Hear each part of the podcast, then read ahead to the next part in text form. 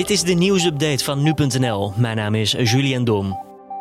Femke Halsema die stond gisteren voor een duivels dilemma. Ja, dat zei de Amsterdamse burgemeester in het uh, talkshowprogramma Op 1 over de demonstratie tegen politiegeweld van gisteren op de Dam. Misschien heb je de beelden gezien. Nou, er werden 250 demonstranten verwacht, maar dat werden er uiteindelijk enkele duizenden. Veilig afstand houden van elkaar was daardoor niet meer mogelijk. Maar op foto's was te zien dat veel demonstranten wel gewoon een mondkapje droegen. Ingrijpen kon door de plotselinge groei van het protest enkel op een gewelddadige manier, vertelde Halsema. En dat zou weer voor veel onrust en wellicht rellen kunnen zorgen. En daardoor heeft ze besloten dat niet te doen. Dat niet ingrijpen zorgde echter ook voor kritiek. Zo lieten meerdere Tweede Kamerleden van zich horen over de actie en het gebrek aan optreden in Amsterdam dan Donald Trump. Die dreigt namelijk met militair ingrijpen om de orde te herstellen in de Verenigde Staten. Het is al een week onrustig in de VS na golf van protesten tegen politiegeweld.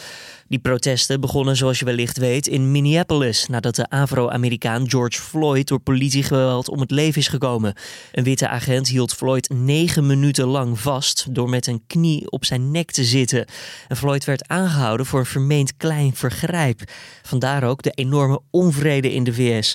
De man maakte meerdere keren duidelijk niet te kunnen ademen. Desondanks bleef de agent op zijn nek zitten. Floyd overleed ter plekke. Trump die wil nu soldaten gebruiken als burgemeesters en gouverneurs geen controle weten te krijgen over de rellen. Mogelijk heb je er gisteren zelf gezeten en het ook gezien. Nou, de heropening van cafés en terrassen is nou, de heropening van cafés en terrassen is zonder excess verlopen. Dat zegt ook Hubert Bruls van Veiligheidsberaad tegen nu.nl. En het verbaast Bruls ook niet dat die opening goed lijkt te zijn gegaan. Volgens hem waren de ondernemers zich namelijk bewust van de kans die ze hebben gekregen. De voorzitter rekent zich echter verder nog niet rijk, omdat het slechts om de eerste dag gaat. Maar heeft de hoop dat dit op eenzelfde manier verder zal gaan. En dat betekent natuurlijk ook dat jij als bezoeker mogelijk eventjes op moet letten, want een horeca-ondernemer kan dit en hoort dit niet alleen te moeten kunnen. Luchtvaartmaatschappij Emirates neemt voorlopig geen afscheid van toestel de Airbus A380. Dat zei topman Tim Clark maandag. Nou, die A380 dat is het grootste passagiersvliegtuig ter wereld met twee verdiepingen. Air France die maakte bijvoorbeeld eerder al bekend juist te stoppen met het gebruik van dit type. En het Duitse Lufthansa zegt een aantal exemplaren uit de vloot te willen halen.